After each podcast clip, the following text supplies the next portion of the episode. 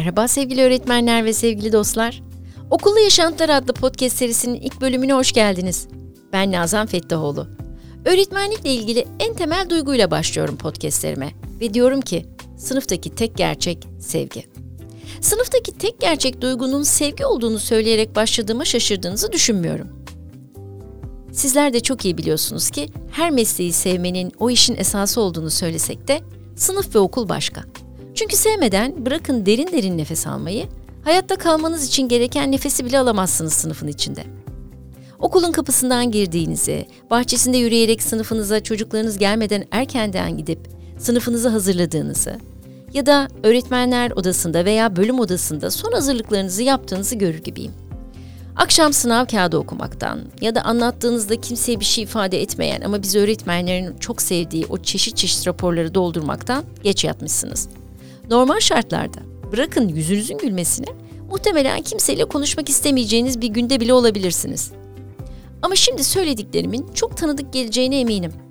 Sınıfa girersiniz. Duvarlarda öğrencilerinizin elleriyle hazırlamış olduğu çalışmaları veya keyifle bitirdiğiniz bir ünitenin sonuç ürünlerini görürsünüz. Sınıfın kokusu şöyle bir çarpar yüzünüze ve "Günaydın öğretmenim." diyen ilk çocuğunuzun sesiyle o yorgun, enerjisi düşük kişi gider onun yerine seyircisinin karşısına çıkmaya hazır bir sahne sanatçısı edası yerleşir üzerinize ve seyirci katılımlı interaktif oyun başlar. Şimdi sorarım size. Bize kendimizi bu kadar enerjik hissettiren şey saf sevgi değil de nedir?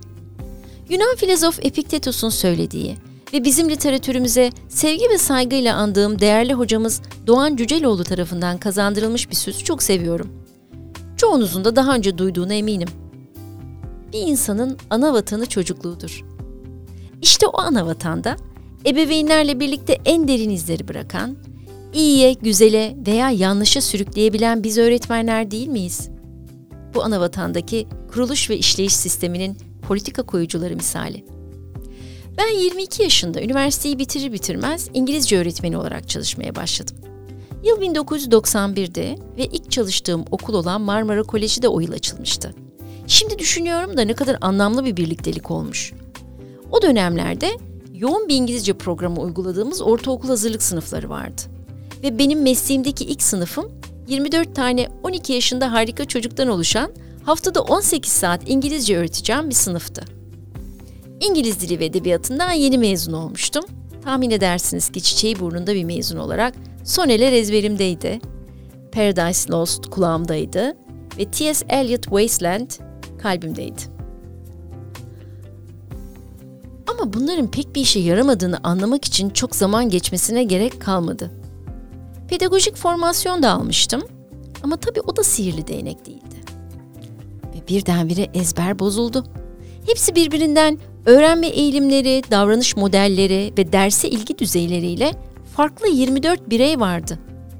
Bu gerçeği fark ettiğimde bana bir pusula gerektiğini anladım gerçek bir aydınlanma deneyimiydi benim için aslında. Evet bir yol haritası lazımdı. Bazen deneyerek yanılarak, bazen gerçek anlamda duvara çarparak, bazen işte bu işe yarayan bir şey deyip kendi kendime mutlu olarak ilerlediğimi hatırlıyorum. Hatalarım oldu elbet. Ama çok titizdim ki çok şükür majör bir hatam olmadı. Sevinç, heyecan, mutluluk, iyi yapma arzusuyla harmanlanmış duygularla ilerlediğimi düşünüyorum. Onu hatırlıyorum şu an. Peki neydi öğrencilerime en iyi şekilde ulaşmamı sağlayan şey? Geçen onca yılın ardından şunu rahatlıkla ifade edebiliyorum.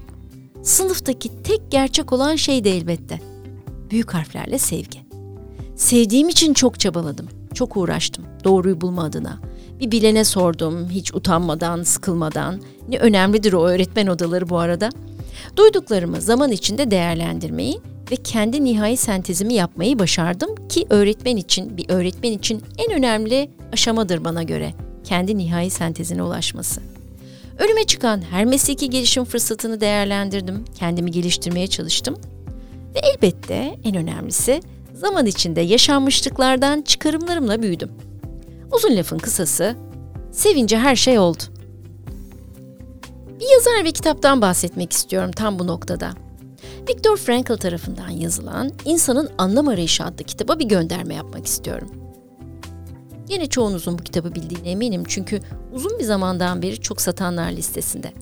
1905 yılında Viyana'da doğan, nöroloji ve psikoloji alanlarında eğitim almış, Adler ve Freud gibi dönemin ünlü uzmanlarıyla bir arada çalışmış, İkinci Dünya Savaşı sırasında talihsizce Auschwitz Yahudi toplama kampında çok uzun süre kalmak durumunda kalmış, kamptan kurtulmayı başarmış ve kurtulduktan sonra kendi bulmuş olduğu logoterapi teorisiyle psikanaliz dünyasına katkı sağlamış bir bilim insanından bahsediyoruz.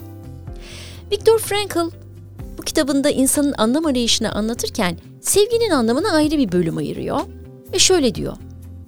Bir başka insanı kişiliğinin en derindeki çekirdeğinden kavramanın tek yolu sevgidir.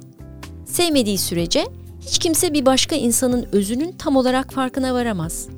İnsan sevgisi yoluyla sevilen kişideki temel kişilik özelliklerini ve eğilimlerini görebilecek duruma gelir ve dahası ondaki gerçekleşmemiş olan ancak gerçekleştirilmesi gereken potansiyelleri görür.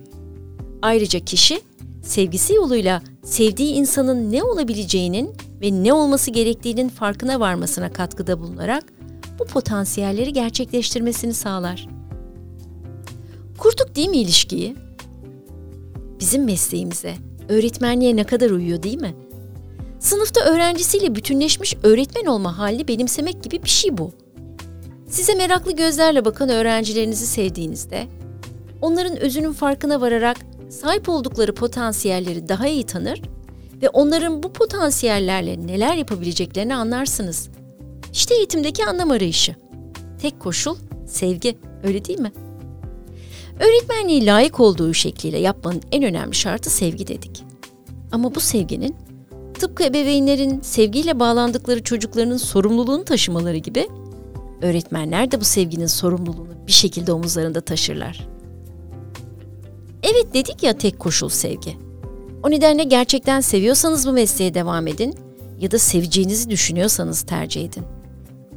Omuzlarımızdaki o kocaman sorumluluğun yükü bizi öğrencilerimiz için en iyi yapma adına yönlendirir. Bunu çok iyi biliyoruz. Ne peki omuzumuzdaki yükler? Hangi sorumluluklardan geliyor? Doldurmanız gereken raporlar ya da katılmanız gereken yatay planlama toplantılarından bahsetmiyorum aslında.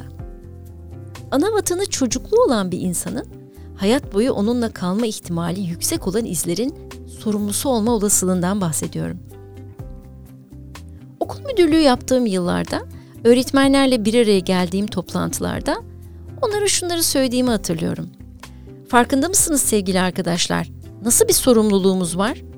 Harika beceriler ve duyguların temellerini atabileceğimiz gibi travmaların ve kalıp inançların, cesaretsiz ve güven sorunu olan yetişkinlerin temellerini atabiliyoruz. Bazen tek bir cümlemiz veya bir tavrımızla. Matematiğin iyi değil dediğiniz bir öğrencinin yıllarca buna inanacağını, bir töreni gür sesiyle sunacak bir öğrenci belirlerken sunucu olamadı diye sesinden ameliyat olmayı düşünen küçük bir çocuğun hayal kırıklığının veya sınıfınızda başarılı öğrencileri bilerek ya da bilmeyerek biraz daha ön plana çıkararak aslında orada kötü bir niyet yok. İşleri hızlı ve kolayca hallettiğinizi düşünürken ileriki hayatında hep geride kalması gerektiğini düşünen bir yetişkinin temellerini atıyoruz. Ya da çok başarılı bir bilim insanının, iş insanının, sporcunun, sanatçının çocukluğundaki yeteneklerini ve eğilimlerini fark ederek onların sevdikleri mesleklerde başarıyla üretmelerine katkı sağlayarak. Ne güzeldir değil mi? Topluma mal olmuş birinin beni bugünlere getiren, beni ben yapan, benim güçlü yönlerimi ilk keşfeden ilkokul öğretmenimdi. Ya da ortaokul İngilizce ya da lise matematik öğretmenimdi dediklerini duymak. Koçluk görüşmelerinde danışanların kendilerini anlattıklarında hayallerini, inançlarını, tutkularını ve değerlerini anlatırlarken yüzlerindeki ifadeyi, o gülmenin eşlik ettiği, gözlerdeki parıltıyı fark ederken hepimizin içinde saklı duran o ana vatanın izlerini görürüm. Beni koridorda durdurup biliyor musunuz öğretmenim diye başlayan kendini anlatmalar, heyecanlı mimikler gelir gözümün önüne. Evet, demiştim derin mevzulara gireceğiz arada bir diye. İşte bu da derin bir mevzu. Fark edelim öğrencilerimizi. Her birinin ayrı bir dünya olduğunu bilelim. O dünyada yerimizin ve yargımızın onların öğretmenleri olarak çok kocaman olduğunu da bilelim. Açalım kalbimizi. İçindeki saf sevgiyi çıkarıp verelim. En güzel takdirin fark etmek olduğunu bilerek yapalım bunları. Sonra omzumuzdaki yükler dedim ya. Sevelim o yükleri bence. Çünkü aslında onlar yük değil. Öğrencilerinizin biricik öğretmenleri olarak onların mutlu, kendine güvenen, kendiyle barışık yetişkinler olarak hayata karışmaları için sahip olduğumuz bir güç aslında. Saf sevgiyle mesleğini yapan bir öğretmene verilmiş bir hediye diye düşünüyorum. Sevgili öğretmenim, sınıftaki en temel duyguyla başladık. Sevginin hüküm sürdüğü, mutlu çocukların ve gözleri pırıl pırıl bakan öğretmenlerin olduğu bir okul hayaliyle bitirmek istiyorum bu yayını. Bir sonraki podcast'e kadar hoşçakalın ve elbette sevgiyle kalın.